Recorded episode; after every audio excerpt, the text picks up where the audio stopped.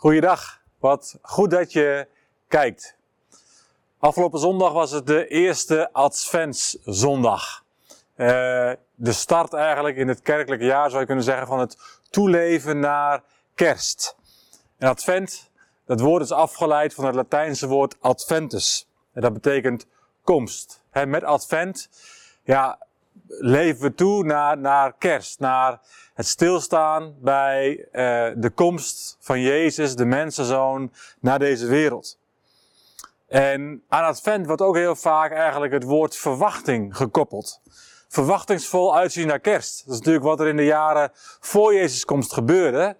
Uh, door alle Joodse mensen die, die, die, ja, die verwachten, die verlangden naar de komst van, van de Messias. Maar wij mogen, en het is raar om dat opnieuw te beleven elk jaar, want hij is al geboren.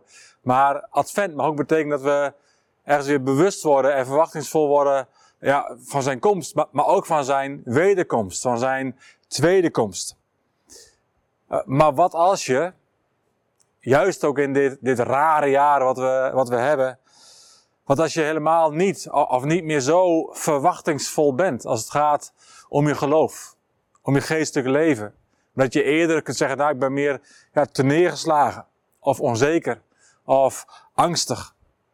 Hoe kun je dat nu omdraaien? Hoe kun je zorgen dat ja, de advent zonder verwachting toch een advent gaat worden met verwachting? Wat zijn dingen die jij en ik heel concreet kunnen doen en die kunnen helpen om dat eigenlijk om te draaien, om daar weer uit te komen? En ik wil je gewoon drie hele concrete zaken meegeven. De eerste is ga ermee naar God. De tweede is pak je gedenkstenen erbij. En de derde, open met verwachting Gods woord. De Bijbel. We beginnen met de eerste. Ga ermee naar God. Want natuurlijk weet God het al lang hoe jij in je vel zit. Of je wel of niet ja, vanuit verwachting leeft. Maar God is een God van relatie. Dus wil God ook heel graag dat jij en ik, dat we onze gevoelens naar hem uiten. Dat je het zegt. Of dat je het roept. Of dat je het zingt. Of desnoods schreeuwt als dat nodig is. Ik vind dat zo rijk in de psalmen. Op allerlei plekken. Bijvoorbeeld Psalm 10, vers 1. Waarom, Heer, bent u zo ver? En verbergt u zich in tijden van nood? En in navolging van de psalmist, een belangrijke les uit de psalmen is dit. Uit je gevoelens naar God. Benoem het gewoon. God wil niks liever. Hij verlangt ernaar dat jij en ik, dat we met alles wat ons bezighoudt, dat we bij hem komen. Dat we het uiten, dat we het vertellen, dat we het delen. Hij is onze vader. Ik wil ook dolgraag dat mijn kinderen bij me komen met, met, met dingen die spelen uh, in hun leven, waar ze, ja, soms ook mee worstelen aan twijfelen of wat dan ook. Ik merk dat soms wel ook aan hun gedrag. Maar ik vind het veel fijner eigenlijk als ze het zeggen. Van papa, dit en dit vind ik lastig. Of papa, hier en hier zie ik tegenop.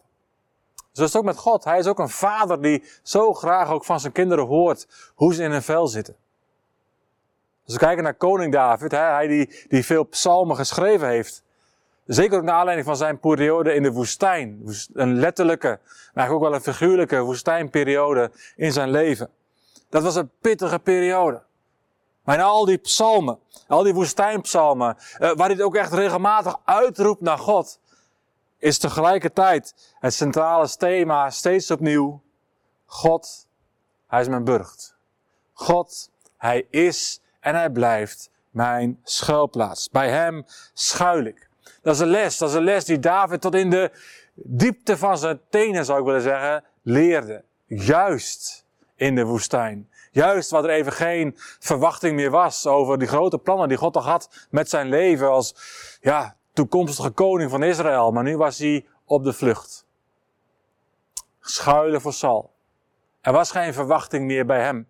En dan toch, God is mijn burcht. Bij hem schuil ik. Hij ging altijd naar God.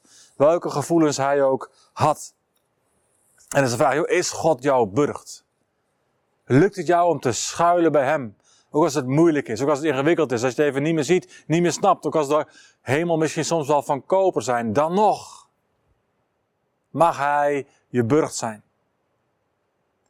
De tweede ja, belangrijke les die ik zelf ook heb geleerd in mijn leven.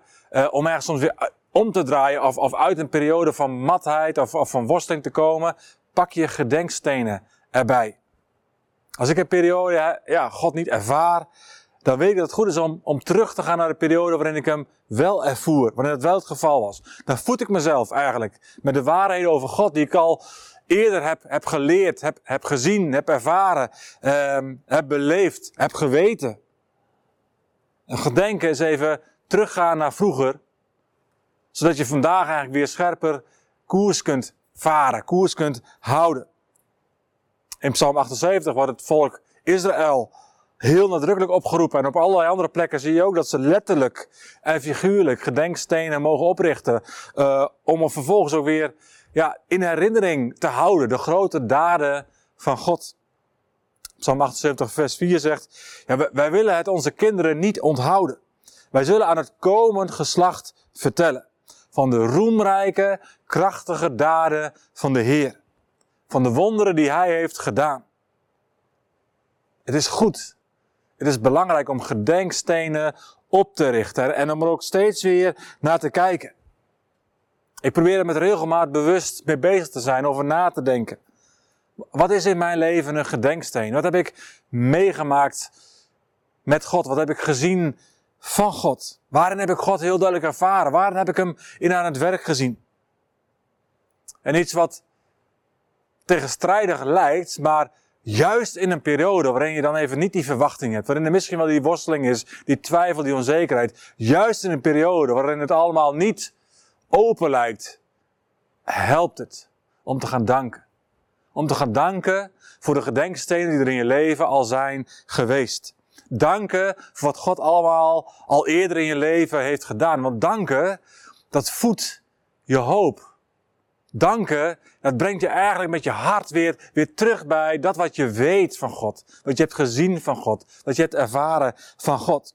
Door te danken kom ik ja, weer automatisch bijna opnieuw onder de indruk van wie God is. En raak ik ook weer onder de indruk van zijn betrokkenheid op mijn leven. Die er op allerlei momenten, op allerlei plekken heel duidelijk is geweest. Dat is de periode die ik even niet merk. Oh, maar als ik dan weer ga danken voor wanneer het wel was, en dan opent dat een poort. Een poort van hoop, een poort van vertrouwen. En dan kom ik eigenlijk automatisch weer meer open te staan voor wat God tegen mij wil zeggen. En dus is mijn, mijn, mijn vraag ook weer aan jou, de tweede vraag eigenlijk. Heb jij je gedenkstenen in beeld? De dingen waarin je God heel duidelijk hebt ervaren in je leven. En gebruik ze ook in gedenkstenen. Juist in perioden waarin het goed is om jezelf er ook aan te herinneren. Schrijf ze op. Lees het na. Breng ze in herinnering. Dank er opnieuw voor en je hart gaat weer open. Derde punt. Belangrijke punt ook is open Gods woord, maar open Gods woord ook met verwachting. Met de verwachting dat God daarin en daardoorheen wil en zal spreken. Romeinen 15 vers 4 zegt, alles wat vroeger is geschreven, is geschreven om ons te onderwijzen. Opdat wij, door te volharden en door troost te putten uit de schriften, zouden blijven hopen. Het woord, de Bijbel is ons ook gegeven als bron, zodat we het volhouden om te blijven hopen en verwachten. De Bijbel is een belangrijke bron om hoop uit te putten, juist in woestijnperiodes. Je voeden met zijn waarheden, je voeden ja, met al die lessen over wie God is. En, wat zijn bedoeling is. En wat zijn beloften zijn. En wat hij zegt over ja, wat je wel en wat je niet zou moeten doen in je leven. En dat dan ook gebruiken als spiegel. Reflectie op wat je leest is daarin cruciaal. Mag het ook dienen als een spiegel voor jouw leven. Die beloften die erin staan. Die zijn ook voor jou, maar hoe verhouden zich die tot jouw leven? Geloof je nog de belofte die God heeft voor zijn kinderen? En geloof er niet alleen in, maar in de goede zin van het woord, ja, ja, ja, sta je er ook op. Eigen je jezelf ook op een gezonde manier toe.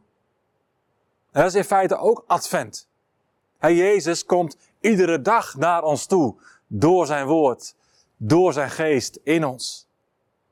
En dat komen is even goed een echte komst. Elke dag opnieuw. Als Jezus komt om te spreken. Door woord en door geest. Dan is dat opnieuw advent. En dat betekent voor mij ook advent. Hè? Het leven in, in de verwachting van niet alleen maar de wederkomst van Jezus. Ik wil leven in de verwachting van de dagelijkse komst van Jezus. Door zijn woord, door zijn geest. En, en, en ja, vandaar het ook zeker leven in verwachting van zijn wederkomst. Paulus tot slot legt dat prachtig uit aan de mensen in Athene, handelingen 17, vers 27 en 28.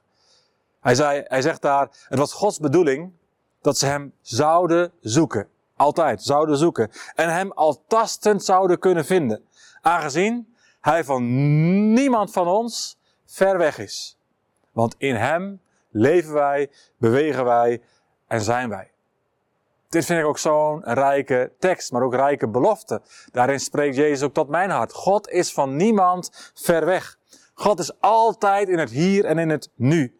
En dus mogen we ook met hulp van God, ja, mogen het verleden achter ons laten. We mogen ook een periode van ja, weinig verwachting ook weer achter ons laten. We mogen ons weer focussen op de toekomst in het vertrouwen dat God dichtbij is. Dat Hij erbij is. God biedt ons relatie. Niet alleen gisteren, niet alleen vandaag, maar elke dag opnieuw mogen we verwachtingsvol uitzien naar zijn komst. Die dag. Jij mag uitzien vandaag naar zijn komst. Door het woord heen, door de geest heen. En ik bid je dat toe. Een verwachtingsvolle houding, niet alleen richting kerst, een verwachtingsvolle houding elke dag opnieuw. Wees erin gezegend.